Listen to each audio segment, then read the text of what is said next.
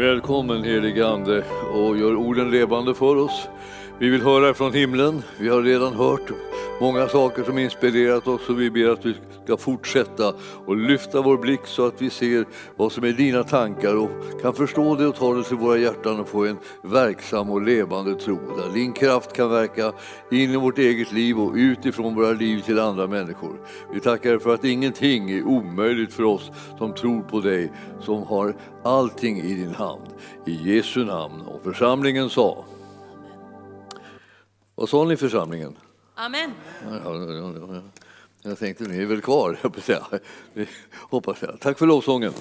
Eh, vi ska gå till Filipperbrevet och nu, nu kände jag liksom på något vis att eh, vi, vi, jag, jag, jag gled med i den här eh, liksom, som Göran talade om här så att jag kände att vi kanske ska ändå tala lite om det här med försörjning också för att det är liksom ett, ett viktigt kapitel.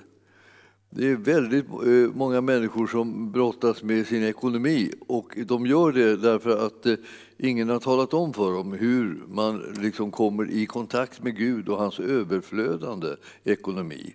Han är, inte, han är inte intresserad av att vara rik själv. Ibland så säger vi åh, vi har en rik Gud. Han har till och med gator av guld i himlen och sådär. Eh, och vad, vad, vad ska han med det till? Liksom, om vi sitter här liksom och, och suger på ramarna och, och inte har det som vi behöver. Kan det vara lik Gud? Ja. Alltså, vi, vi får nog räkna med att Gud är oerhört intresserad av att hjälpa oss. Han är oerhört intresserad av liksom att eh, se till att vi har det som vi behöver. Och han har gett undervisning för att vi ska kunna sätta tro till det som han har redan ordnat för oss så vi kan ta emot det. Och en del säger ja, men det där har jag försökt, det går inte. Ja, men du vet att eh, nu är inte det här någonting som man håller på och försöker, utan det här är någonting som man får tro på när man hör ordet förkunnas inom det här området. Det är därför som vi liksom förkunnar så pass mycket liksom om, om givande och, och ekonomi och sånt här, här i arken. Men du kanske inte har hört så mycket av det ännu, men, eh, men en del av er har redan hört det. Och ju mer man hör det, desto mer får man tro på det. Om man inte sitter liksom och bara förbittrar sig över att det inte funkar. Därför att det är ju så här att vi, vi, vi, vi, kan, vi kan ju ha till långa tider då det inte fungerar av den enkla anledningen att vi tror inte på det. Vi tänker det är omöjligt, så där lätt går det inte. Och så hör vi vittnesbörd och så säger att det är väl Gud som har favoriter, det är dem det funkar för. Jag menar, det, är, det, är inte, det är inte sant, Gud har inga favoriter. Men han, hans barn tror på honom och, och han vill att de ska tro allt gott om honom så att han får nå fram med sina gåvor ordentligt och besigna dem. Och jag, jag är liksom eh, utmanad att vara en kanal också för det här, liksom precis som Göran. Alltså, eh, att vittna om att det är sån Gud är. Det är inte hela vårt livs erfarenhet som är på det viset med, med, Gud. Men till slut så kommer vi till den där punkten då vi lärde känna honom också som en verkligt generös givare som bryr sig om varje del av vårt liv. Och det, vi vill att alla ska upptäcka det, för det förändrar saker. Så, men jag tänkte först bara säga någonting som står här i Filipperbrevet. Filipperbrevet, tionde brevet i Paulus räcka av brev. Eh, och eh, tillhör de här breven också som är underbara. Alltså han skriver sådana underbara brev så att man liksom, vad skulle man göra med sitt liv om man inte visste vad han skrev? Alltså han som hade lärt känna Gud på ett sånt sätt, han som hade gått från att vara en förföljare eh, av de kristna, som eh, liksom uppmuntrade mord på dem och sådär. Eh, han eh, förvandlades liksom när han mötte Jesus så till en milda grad att han liksom gjorde, liksom, vände rakt om och gick åt ett helt annat håll mot vad han hade gjort tidigare. Han hade varit övertygad om att han hade rätt. Och så visade det sig att han, att han hade fel. Och nu var han övertygad om att han hade fel och att det var Gud som hade rätt. Jesus kom och, liksom och bara skakade om hela hans liv och vände på honom, tvärtom. Och nu så gick han in i en riktning där, där Herrens namn blev ärat. Då. Det var inte alla kristna som klarade av att handskas med den där förvandlingen, för att det var ju så ofattbart. Att han som förföljde Guds församling, han predikar nu evangelium, sa man till varandra. Nej, det kan vi inte tro. Han är ju han är den värsta förföljaren, han är den värsta personen. Ja, och eh, så hade han mött Jesus och så hade han blivit förändrad. Och ni vet att det här gör ju Herren än idag. Det är inte alltid vi vet liksom hur, hur mycket värst folk är, så att säga. vad de har för mörka liksom, bakgrunder. Men strunt i faktiskt, för det är inte det som är det viktiga. Utan det fantastiska är att när de mött Jesus så kunde det bli en total förvandling av dem. De kunde bli något helt annat. De kunde hitta en helt annan väg och ett helt annat mål och de kunde få en helt annan trygghet. Filipperbrevet 1 så läser vi från tredje versen. Jag tackar min Gud varje gång jag tänker på er. Alltså jag vill göra det här lite personligt. Liksom. Jag tar till mig de här tankarna och så tänk, säger jag, nu säger jag det här till er. Och så. så jag, jag, jag tackar min Gud varje gång jag tänker på er. Så ofta jag ber för er alla så gör jag alltid det med glädje. Och eftersom jag har varit med i arbetet för evangelium från första dagen ända tills nu Alltså han, säger, han säger liksom det här som jag vill stämma in i. Liksom. Allt sedan jag har varit liksom med och eh, spritt evangelium från första tiden liksom, som, jag, eh, som jag blev klar över att det var det jag skulle göra. Och ända tills nu så har jag hela tiden blivit välsignad med mängder av människor som har velat komma och eh, sätta till sin skuldra och eh, brinna för det som är Guds rike. Och jag är så, jag är så tacksam över det. Alltså jag tänker ibland så här, vad ska man göra så här? Ja, man kan fokusera åt alla håll och kanter. Ibland så fokuserar man bara på negativa saker och man blir liksom alldeles hängig och dyster och, och, och man tycker det är jobbigt och, och tungt och alltihopa. Så här. Men vem har bett dig att fokusera på skräp? Du ska fokusera på det som är gott och det som är härligt, det som är underbart som händer med människor. Om du fokuserar på det så kan du vara glad jämt. Ja, det, och du tänker, det är inte möjligt. Liksom. Jag, jag, är, jag är naturligt liksom så här observant på fel som finns i människors liv och, och i situationer. Ja, det tror du bara, det är, bara kritisk, heter det. Och så slutar du upp med det, för det är synd. Och så börjar du tänka liksom Guds tankar istället. Och han tänker underbara tankar om människor. Man kan inte förstå det. Vet han inte vilka de är, tänker vi. Ska vi informera honom? Ska vi liksom säga så här, åh Gud, du vet den här, den är inte klok, den håller på så där och den gör det där. Nej, du behöver inte informera Gud om det. Det, det är du som inte vet hur de, hurdana de här människorna är. Du känner dem inte. Och Herren vill liksom säga det, det är de här är mina, mina barn, jag älskar dem. Och är de ännu inte mina barn så älskar jag dem så att säga, i hoppet om att de ska bli mina barn. Det är Herrens inställning till dem. Han älskar dem. Han sänder sin son och dör för dem innan de ens vet vem han är. Det här är ju liksom en fantastisk kärlek som Gud visar oss människor. Och det här, det säger, man måste tacka Gud för alla de människor som finns runt omkring en som, och, som bereder en sån glädje. Alltså. Och som följer Herren och som betalar priset och som överlåter sig och som gör sitt bästa därför att de älskar Herren tillbaka. De har fått möta hans kärlek helt enkelt. Jag är övertygad om, står det i vers 6 här, att han som har börjat ett gott verk i er också ska fullborda det inte Jesu Kristi dag. Alltså eller Kristi Jesu lag. Alltså det är också min övertygelse. Att han som har börjat ett gott verk i er, han ska, han ska fullborda det till Kristi dag. Det vill säga, vad är det för dag? Det är dagen då Herren kommer tillbaka och hämtar alla de sina med sig upp till himlen för det himmelska bröllopet. Det är den här dagen då, liksom, då, då, vi, då vi är klara här på jorden, så att säga. Och nu, nu ska vi in i himmelen. Och nu kommer den ena härligheten och den ena glädjekällan liksom efter den andra bara spruta kring oss liksom när vi kommer in i den himmelska världen. Men ni förstår, Eh, det här är det att han är övertygad om att det ska ske liksom något så fantastiskt med dig och mig. Våra liv ska bli så underbart förvandlade och hans vilja ska kunna bli synlig och märkbar i och genom det liv som vi lever. Alltså han har börjat ett gott verk men han tänker fullborda det så att när Herren kommer och hämtar oss så har vi eh, fått tag i det som är vägen som vi ska gå på och förvaltat de punden som vi har fått av Herren och märkt vilka de är. Vi har inte liksom tänkt så här, har jag inte fått någon någonting, jag har inte fått någonting. En del liksom bara så tänker, går omkring och tänker på jag har ingenting, jag har ingenting. Och alla andra får allting och jag får ingenting. Och, och så här. Och ni förstår att det, det, det, är inte, det är inte Guds väg. Eh, han håller inte på att visa dig hur du ska gå omkring och knota och, och klaga och ha det. Han har, har tänkt att du ska gå omkring och prisa och tacka Gud för allt det underbara som han har gett till dig. Alltså, och, och, du, det, och du tänker, ja men vad skulle det kunna vara? Och jag vet, jag vet ju att jag har varit en sån där person som inte har sett ett skvatt av det goda som Gud har gjort. Jag gick omkring och bara tyckte att allt elände var typiskt. Och jag har berättat det många gånger förut, men jag vill bara säga jag är ett avskräckande exempel. Alltså, jag gick omkring och bara liksom upptäckte, jag tror jag var liksom, att jag, jag, var så genomskådande. Jag kunde se liksom alla brister och svårigheter. Och, alla, och allt elände, minsann var det jag som upptäckte det med en gång. Och ibland till och med elände som inte fanns kunde jag fantisera in liksom att det fanns. Och så, jag, jag var liksom en riktig, riktig knottyp. Liksom. Tills Herren en dag sa till mig liksom så här, när jag sa det här är ju typiskt, nu gick det där åt skogen också. Så sa han plötsligt bara liksom, alltså, från det blå, så säga, utan anledning sa han det till mig. Så, här. så sa han så här, nej, det är ett undantag, sa han. Jag trodde att han hade fått någon slags sjukdom nästan. Liksom.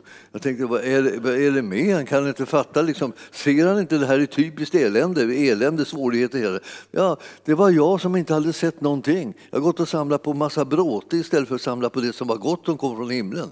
Ja, jag, jag vände på klacken. Jag försökte hitta det som var gott. Ja, det var inte så enkelt när man har tränat på motsatsen i åratal.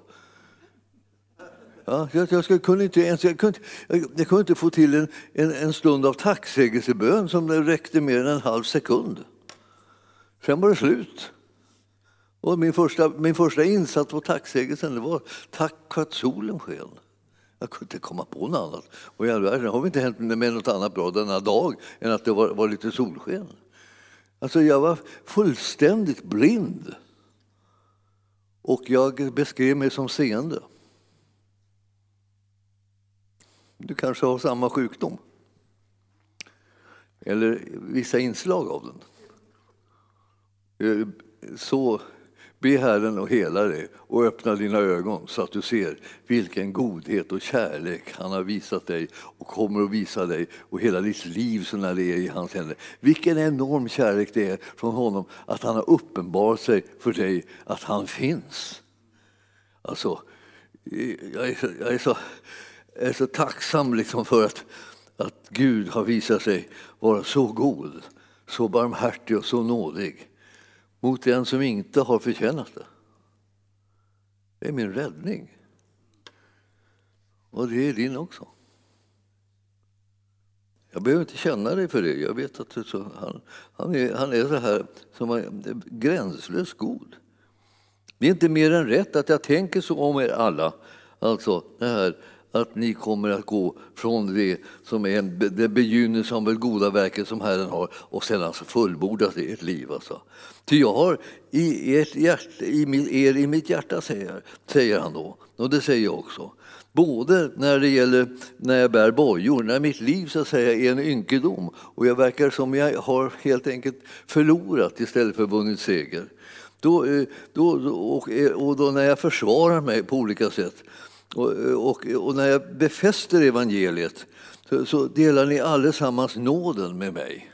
Jag säger, vi, är inte, vi är inte varandras fiender och vi inte fröjdar oss inte över när vi ser varandras svårigheter eller nederlag eller kamp eller så där, utan vi sluter oss samman och vi står ihop som ett för att vi ska övervinna och bli det som Herren har tänkt och bevara och beskydda det verk som Gud håller på med. Alltså jag tycker alltså att eh, livet rymmer liksom sådana fantastiska möjligheter. Och när jag, när jag, för att komma in på det här med ekonomi, för att jag, jag vet att många kämpar med det här ekonomiska. Jag skulle säga till er, man, måste, man måste tänka lite grann eh, eh, försiktigt på de här ämnena. För att ett tu tre så, liksom så, så börjar Herren undervisa en om det och så visar det sig att man varit blind i det området också. Jag har liksom bara sett problemen eller bristen. Jag har ingenting, det räcker ingenstans och sådär. Alltså, ja, Göran får uppleva det där. Liksom. Plötsligt så kommer man in i sammanhang och så, eh, så börjar man jobba där och då plötsligt så har man halva lönen bara. De flesta liksom tänker, hur skulle det gå för mig om jag bara hade halva lönen? Mina inkomster var liksom halverade. Så. Ja, visst. Och hur skulle det gå om de försvann helt och hållet då? Ja, alltså det, det är plötsligt liksom chockerande. Klarar man sig då? Ja, det beror på vem du känner. Ja. Och ibland så är det så att man kan inte klara av att, att lära känna Gud förrän liksom man behöver honom. Det är så liksom, om jag inte behöver honom, hur ska jag kunna lära känna honom? Jag, jag, jag bara har honom liksom som en liten krusidull i livet istället för att jag har honom som är det livsavgörande, eh, enda räddningen, enda utvägen, enda hjälpen som jag känner till. Ja, alltså, eh, när jag var ung präst och kom hit till Kungsängen alltså, 1972. Ja, jag hade bara ätit liksom konserv, konserver eh, och eh, som smakade allting likadant i stort sett. Och, eh, och, och spagetti makaroner. Det var det liksom jag hade levt på under hela studietiden. Kan jag säga. Eh, så när jag kom hit där så var det, körde jag samma, eh, samma liksom diet. Och, och, och, det var genomtrist alltså. Och, eh, och sen plötsligt så fick jag lön för att jag hade gjort det som jag ville göra. Alltså eh, jag hade fått möjligheter att predika och jag hade fått möjlighet att undervisa och jag har fått möjlighet liksom, att hjälpa människor på olika sätt. Och så fick jag lön och jag fick en massa lön. Va? Jag, hade, jag hade haft någon lön. Eh, det enda haft något, liksom, något litet studiebidrag som inte räckte nästan någonstans. Det, det hade jag haft. Och så. Men nu plötsligt så fick jag lön. Och när jag hade betalat min hyra och så där, och köpt mina konserver, då hade jag de mesta pengarna kvar. Så då gick jag till banken och så satte jag in dem där på ett konto. Och så höll jag på så där.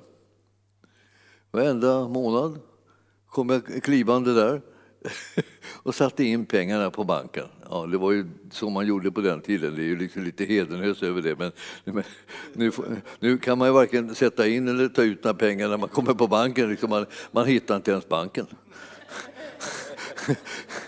Men ni förstår, eh, det var så där man gick in. Och till slut så, när jag hållit på med det där i åratal, så, så sa den här eh, kassörskan där som var på banken så här, vad sparar du till? Sa hon då. Inte för att hon hade väl med det att göra, men, men svaret var ingenting. Jag bara, de, blir, de här pengarna blev över så jag, jag brukar sätta in dem då, sa jag då blev över. Så hon, hon trodde att jag, att jag inte riktigt var frisk.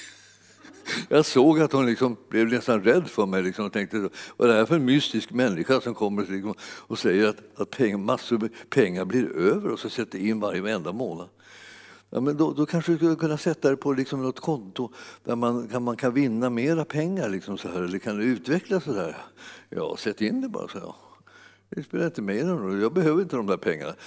Va? behöver inte pengarna. Varenda människa som kommer alla pengar behöver pengar. Det var ju det som alla hade gemensamt som kom in på banken. Vi behöver pengar. Och så kommer en, en tok in och säger så här, jag behöver inte pengar, kan jag sätta dem här så länge? Ja, så fick jag, så fick jag sådana där som man kunde vinna pengar. Jag vann ju inga pengar, men jag, jag hade i alla fall det där. Åren gick. Och sedan så en dag när jag gick hemma där och bad så, så gick jag fram och tillbaka. Liksom jag hade eh, två rum, låg, låg i fil och så var det fönster på båda sidor. Då. Så, så gick jag där och så bad jag. Liksom, jag, jag går när jag ber. Och så, det är därför som ni, ni, märker att jag egentligen rör på mig fram och tillbaka, att jag inte står still. Därför att jag har hållit på i åratal och bett och gått fram och tillbaka och bett och bett. Och, så här. och det är från fönster till fönster, från fönster till fönster har jag gått där. Och i timmar har jag gått liksom och bett. Och så gick jag där och, och bad som vanligt. Då, då. Och så, så kom jag fram till ett fönster, så såg jag en kvinna som stod där nere vid, och håller en cykel liksom vid, vid vägen. Och säger Herren, ta de där pengarna som du har i den där burken och, eh, och har samlat där och eh, eh, ge dem till henne. Jag, jag försökte säga, vilken burk?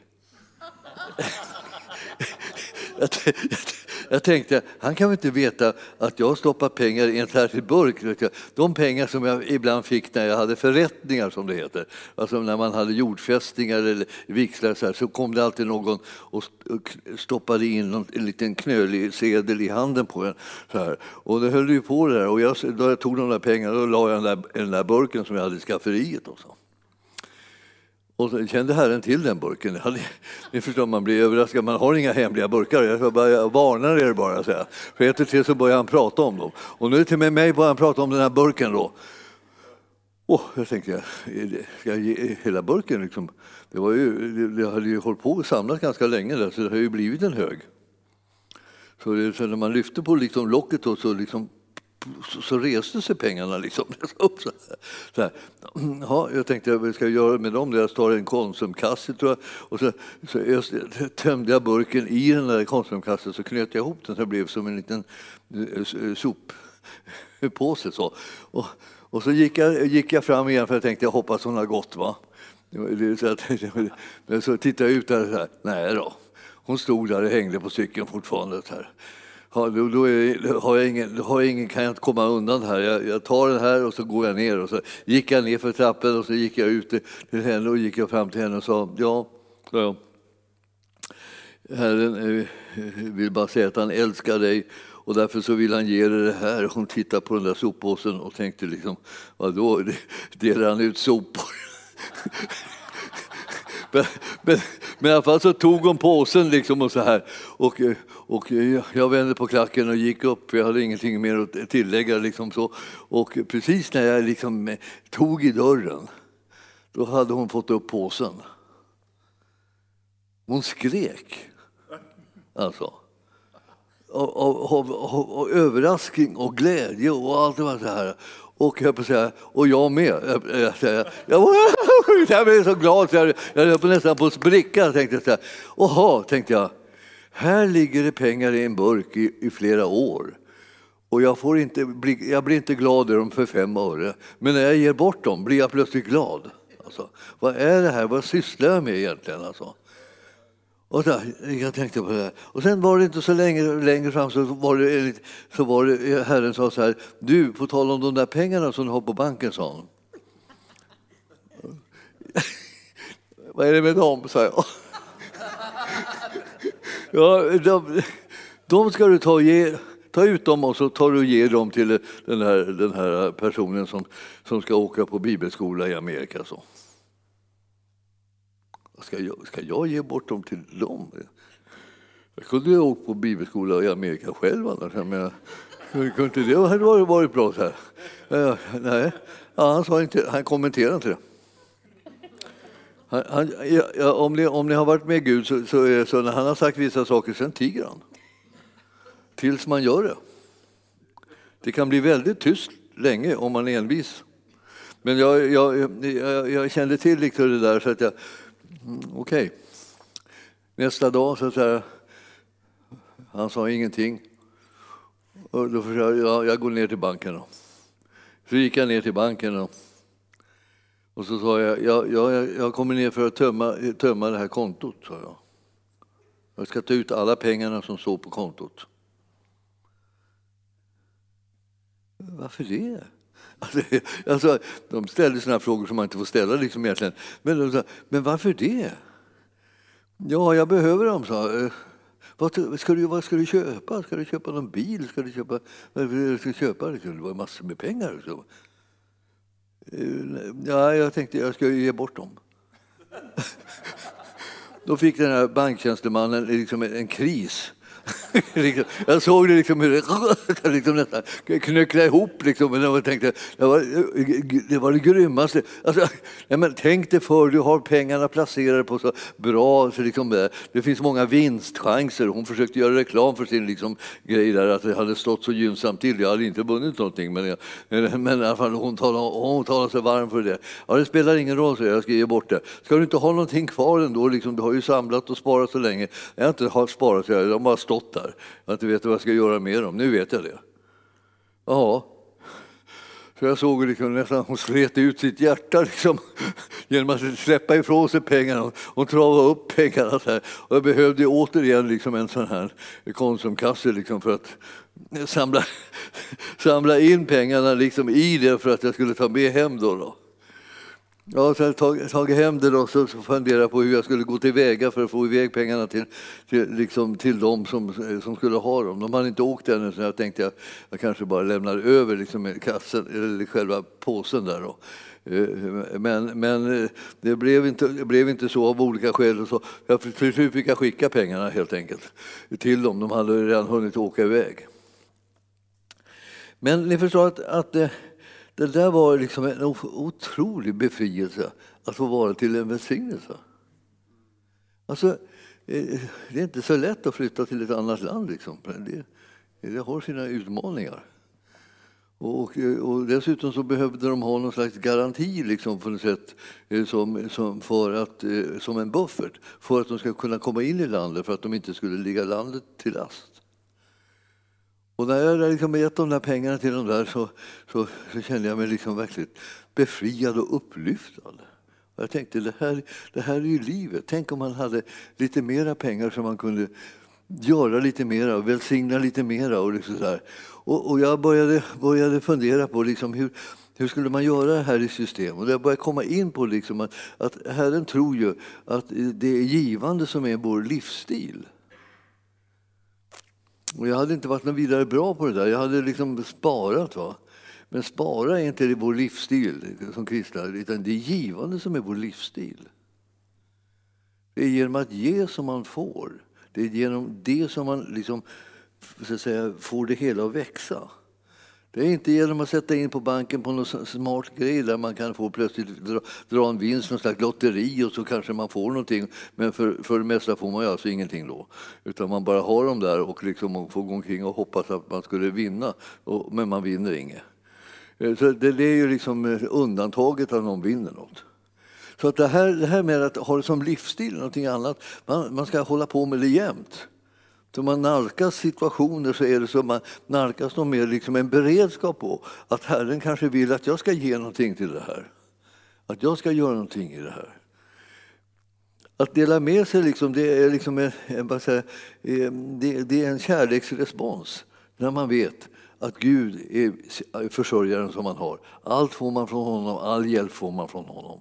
Och Jesus han är alltså helt underbar på det här området. Och jag, jag, jag, när han undervisar om det här med att man, man skaffar sig skatter i himlen så, eh, så har jag tänkt på det att det är klart att det, det låter ju som bra men jag tror att det är liksom de här skatterna som, som jag har märkt att de, att de kommer, de, de dyker upp i Gudsrikets sammanhang Eh, mera än att de ligger i himlen. Så jag tänker att när jag en gång dör och lämnar detta jordelivet och kommer till himlen så har jag, har jag någon slags skatter som ligger där i höga. Vad ska jag med dem till? Då är det, det är för sent, jag behöver inga skatter i himlen i, i, på det sättet. Så jag behöver resurser liksom här på jorden så att jag ska kunna utbreda Guds rike och vara med om det. Så att eh, jag samlar, jag samlar skatter i himlen alltså. Eh, det, man kan säga genom de gärningar som man gör så har man en rikedom i himlen där, där, som varken påverkas av rost eller mal, står det i, i 6 och 20 i Matteus evangelium.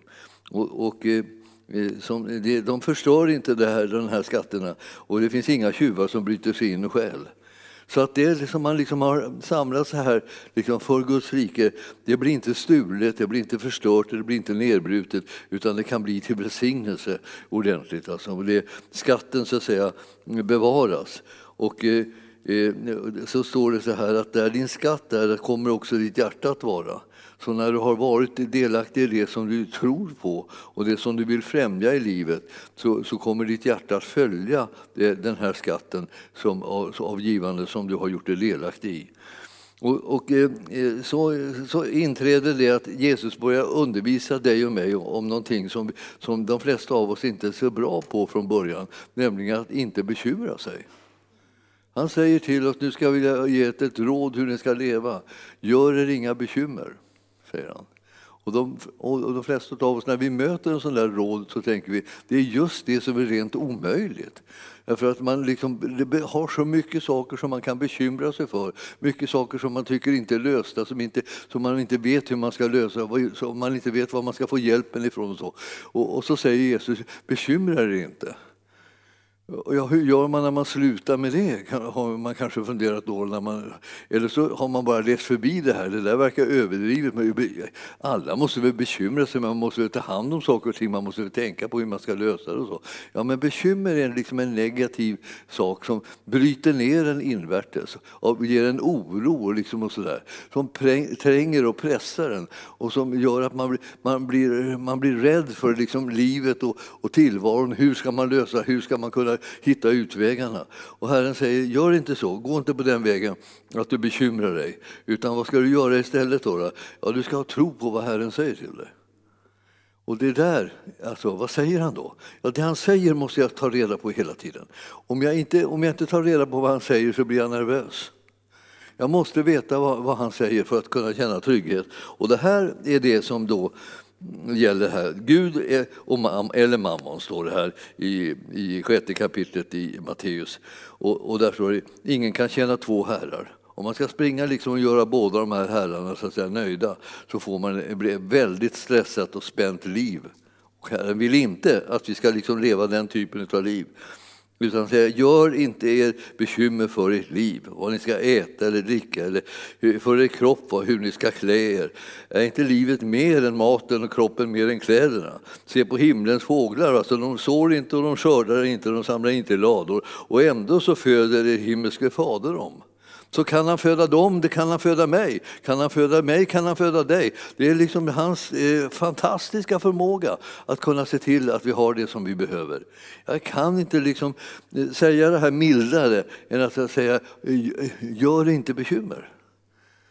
Eh, jag, jag, förstår att det liksom ibland så blir det som en utmaning som man tänker sig, jag klarar inte av att låta bli att bekymra mig, det är bara liksom min natur. Liksom. Man måste få vara som man är alltså. och så. Det, det kan jag säga, det, det, är inte riktigt sant, därför att förmodligen så vet du inte hur du är egentligen. För, eh, eftersom du bekymrar dig. För, för ett Guds barn behöver inte bekymra sig. Och utan, utan Herren har omsorg om dig. Och där står det, eh, vem kan med allt sitt bekymmer lägga en enda an till sin livslängd? Det vill säga, du kan inte påverka någonting genom att du bekymrar dig, bara bryter ner dig. Oro, det är liksom säga, motsatsen till tro. Så Herren vill att du ska ha tro så du får ro. Inte så att du har otro och oro. För det är liksom inte det som han ger dig, utan han talar till dig för att det ska väckas tro i ditt inre och då får du ro. Så ni liksom kopplar ihop rätt saker alltså. Tro och ro. Otro och oro. Välj. Alltså. Och, eh, och eftersom jag känner till det här, liksom, hur det är liksom också att eh, inte ha någonting alls Alltså inte ha någon inkomst alls heller. Jag vet hur det är. Eh, så, eh, så är det inte så att jag vill säga det här på nonchalant sätt för att jag vet att det är liksom en, det är som en plåga liksom när man hamnar i de lägena när man inte liksom har räknat med det och inte liksom egentligen har förstått liksom vad som ska hända. När Herren kallar på mig in i, in i det här med att vara pastor så, så, så pratade vi aldrig ekonomi. Utan han, han kallade på mig och sa inte ett ord om någon ekonomi. Så, han bara sa, säg upp dig med det som du håller på med nu. Då, så sa jag upp mig. Ja. Och sen stod jag där efter två månader och hade ingen ekonomi, det vill säga ingen inkomst. Det kom inte någonting. Jag, jag, och han ville inte prata om det. Och jag tänkte, hur ska, hur ska jag överleva? Jag inte får någon inkomst. Jag måste, vi måste väl prata allvar nu då, liksom, eh, vad, vad är med blir min inkomst? Jag fick ingen inkomst, jag fick inget arbete. Och där var jag. Och jag tänkte, ja, ja jag vet inte, jag, jag försökte tänka liksom igenom det här, vad gör man då? då? Har jag hört fel eller vad är det som gör att jag inte har någonting? Och, och det, här, det här jag alltså inte ha någonting, det är, det är bara pinsamt. Och jag, eh, jag är liksom i, i grunden en, liksom en, en, en ordningsam person. Eh, som vill hålla reda på att jag har inkomster och jag har utgifter och de är anpassade till varandra. Och det är liksom eh, inte någonting, ingen slarv med det där, det vill jag inte veta av. Och plötsligt så står jag där som en riktig slarver. Det enda jag kan få göra är att ringa till folk och vädja till dem att jag ska få betala senare. Och när alla, varje gång så säger de så här, när då? Och då måste jag säga, det vet jag inte. Ja, men du vet väl om det när du får pengar? Och så, Nej, jag får inga pengar vad jag vet. Men alltså, de var hemskt vänliga mot mig. De tyckte, tänkte väl att jag var inte riktigt klok så att det var ju bara liksom att försöka liksom, ta mig lite varligt så att jag inte fick något utbrott eller så. Men det, det, det, de, det, de, det de sa till mig, ja, då sa de ja, vi kanske kan göra en avbetalningsplan. Ja, gärna, sa jag. Eh, och, och, eh, du vet inte när du kan börja betala? Nej, eh, sa jag då. Och till slut, ja, vi gör en plan då, sa de. Och så gjorde de en plan. Och så sprack den liksom med en gång då för att jag inte kunde betala. Och, och så eh, pratade jag med dem sen i nästa eh, månadsskifte med att det gick inte att betala, jag hade inte betalat något. Ska vi göra en ny plan då, sa hon då. Ja, vi kan göra en ny plan. När tror du att du kan betala? Ja, det vet jag inte. Och så höll vi på så där. Vi fick kontakt med varandra. Det var intressant, intressant, men det var väldigt pinsamt. För mig var det liksom pinsamt, pinsamt för att jag kände att jag vill inte leva på det här sättet. Jag vill göra rätt för mig. Vad är det här? Det här går inte. Och jag liksom började tala med Gud om det här. Liksom. Och, eh, så det, det, och då, då började han säga så här att eh, be till mig då.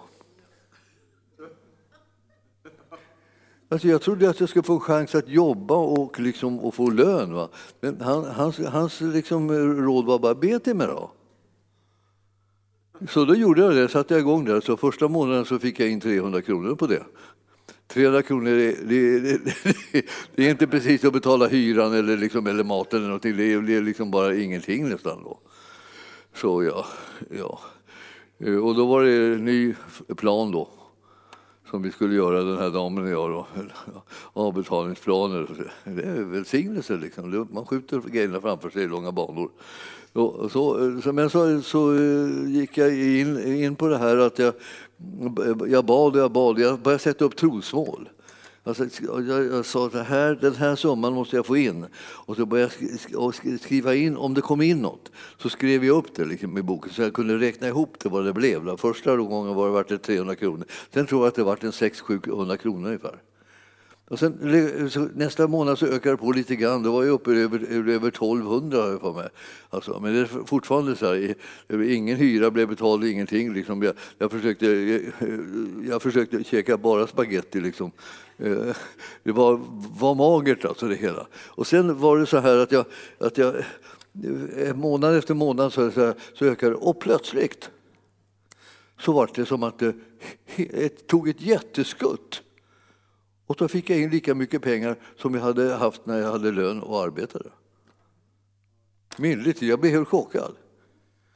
Så jag ringde upp till henne och sa nu kan jag betala.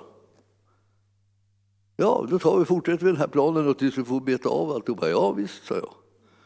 Och sen kunde jag betala. Sen, sen, kom det in där, månad efter månad kom den där lönen in.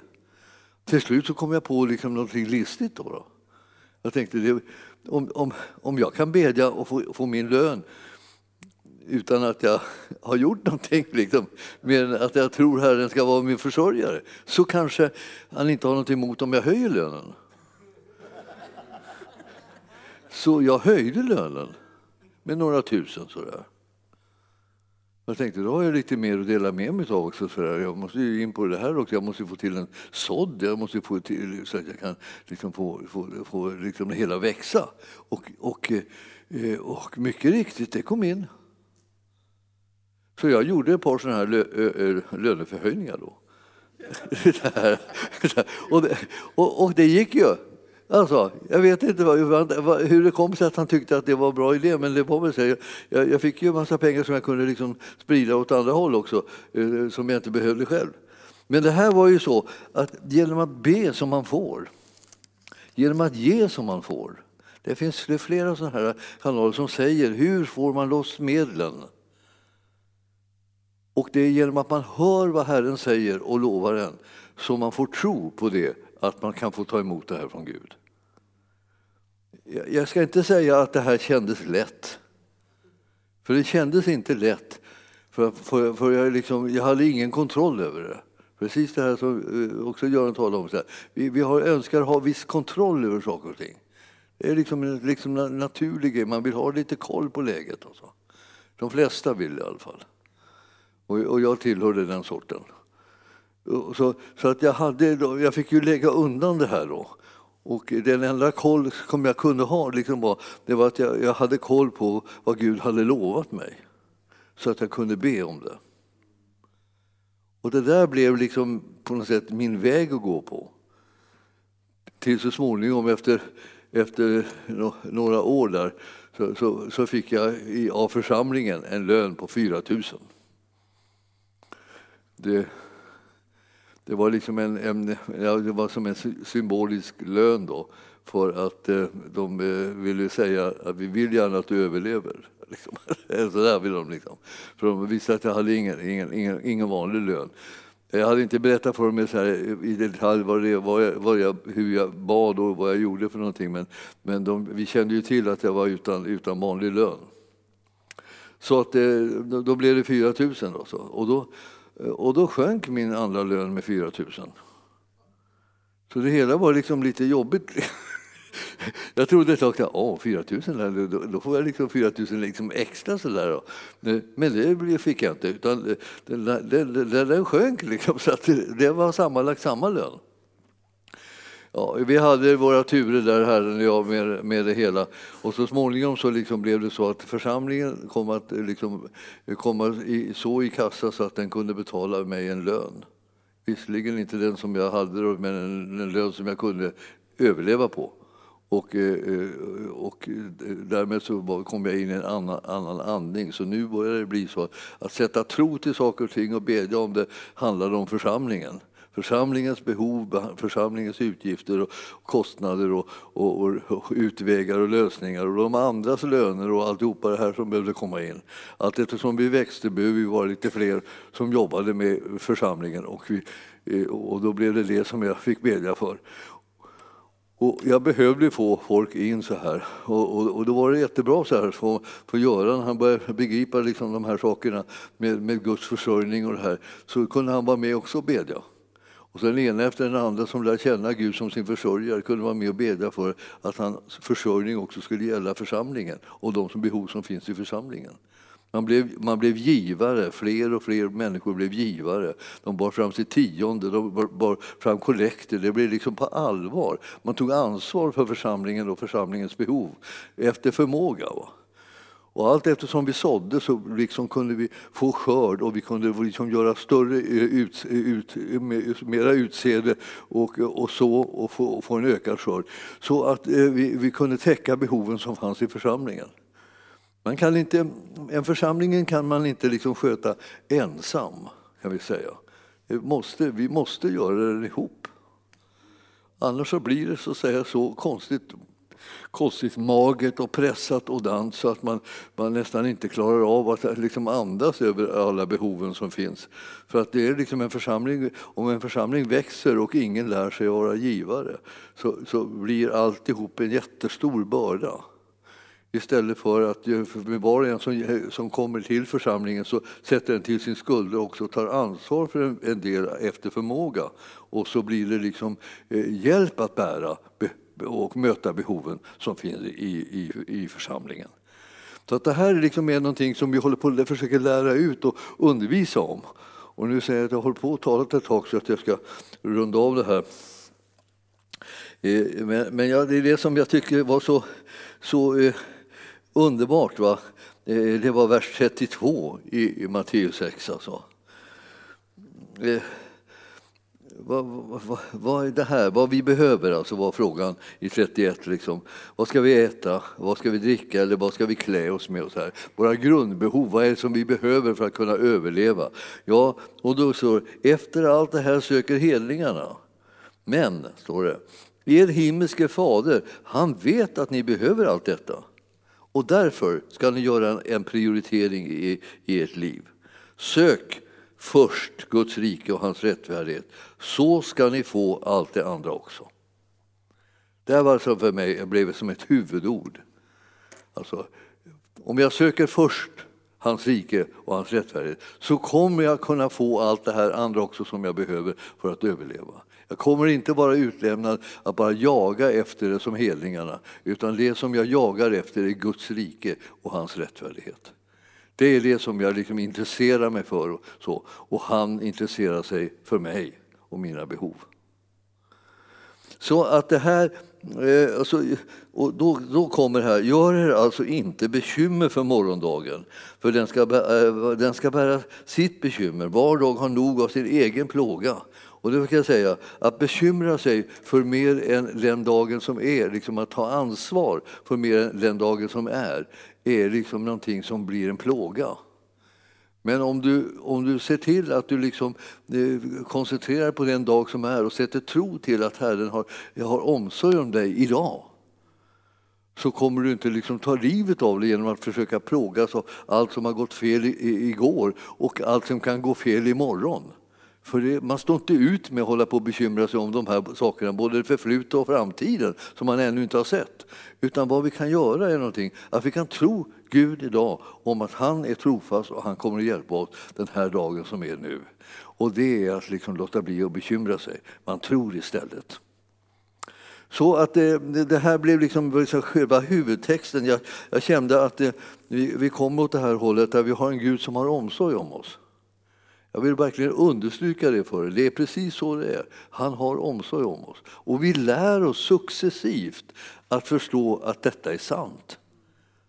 Har vi inte övat på det särskilt så vet vi väldigt lite om det ännu. Men om man läser de här texterna så märker man att han håller på att understryka. Jesus säger, hör nu på mig, jag ska lära er någonting om det här. Hur ni ska lägga upp ert liv, ni ska prioritera rätt. Och sen ska ni lita på de löften som Gud har gett. Och så ska ni förstå att han, han bryr sig om hur du har det i livet. Det är inte så att du kommer där och stör honom och han vill inte höra på det örat. Utan han älskar att få höra vad du behöver och vad du tror att eh, han vill hjälpa dig med. För han vill hjälpa dig. Och han vill se till att det löser sig på olika sätt. Och, och du behöver lära känna honom så, så du kan ta emot det. Det är först när vi vet vad han liksom har för inställning till oss som vi kan tro på honom och ta emot det som han lovar att ge till oss. Innan dess så är det som att han lovar att ge det, men vi har inte tro så vi sträcker aldrig fram handen och tar emot det. Och där brukar man säga så här, den, den handen som sträcks ut mot själva givaren och gåvan, eh, den, den handen kallar vi för vår tro. Den skapar inte gåvan, men den uttrycker att man tror på den som sträcker fram lösningen till den och ger den det som man behöver. Detta är liksom hela, hela saken med tro. Det, det, är inte svårare än det. Så när någon kommer och ger dig en present så vet du liksom, tack säger du och så tar du emot det. Det är, det är den här eh, tron som jag säger också man blir frälst genom. Man säger ja tack till tro, trons, trons erbjudande om frälsning. Ja tack tro, den enklaste tron som finns. Man behöver det som erbjuds. Man säger ja tack, jag tar emot det. Och så blir man frälst och så blir man hjälpt och så blir man mött med behoven så att de behoven som man har blir mötta. Eh, vi måste lära oss lita på Gud så att vi kan leva på det sättet, för det är det som är det suveräna. Och man får leva på det, liksom, på det privata planet, men man får också leva på det liksom i församlingsplanet, i det kollektiva planet, där vi, där vi ska lära oss liksom att ta ansvar för att liksom ta emot gåvorna och välsignelsen som Herren ger till församlingen för att möta behoven som finns just där. Himmelske Fader, jag ber att du ska låta det här få, verkligen få ett fäste i våra hjärtan. Så att vi får en levande tro så vi kan ta emot det underbara som du vill göra för oss och det som du vill ge till oss. Vi vet att du älskar oss Herre och inte vill undanhålla oss någonting. Och du vill möta våra behov och du känner till vad vi behöver. Och därför så vill vi frimodigt bedja till dig Herre. Möt behoven som vi har i vårt liv och hjälp oss att bli sådana som också ger och som delar med oss av det som vi har. För att andras behov behov ska bli mötta och församlingen ska ha det som den behöver för att kunna utföra det som är uppdraget i den här världen. Vi tackar dig Herre för det och vi bara förväntar oss att få uppleva det här i ännu högre grad på område efter område. I Jesu namn och församlingen sa Halleluja, prisad vare Gud.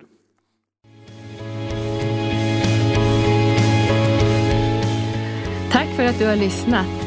Vill du få del av mer information om församlingen Arken, vår helande tjänst, bibelskola och övriga arbete, gå in på www.arken.org.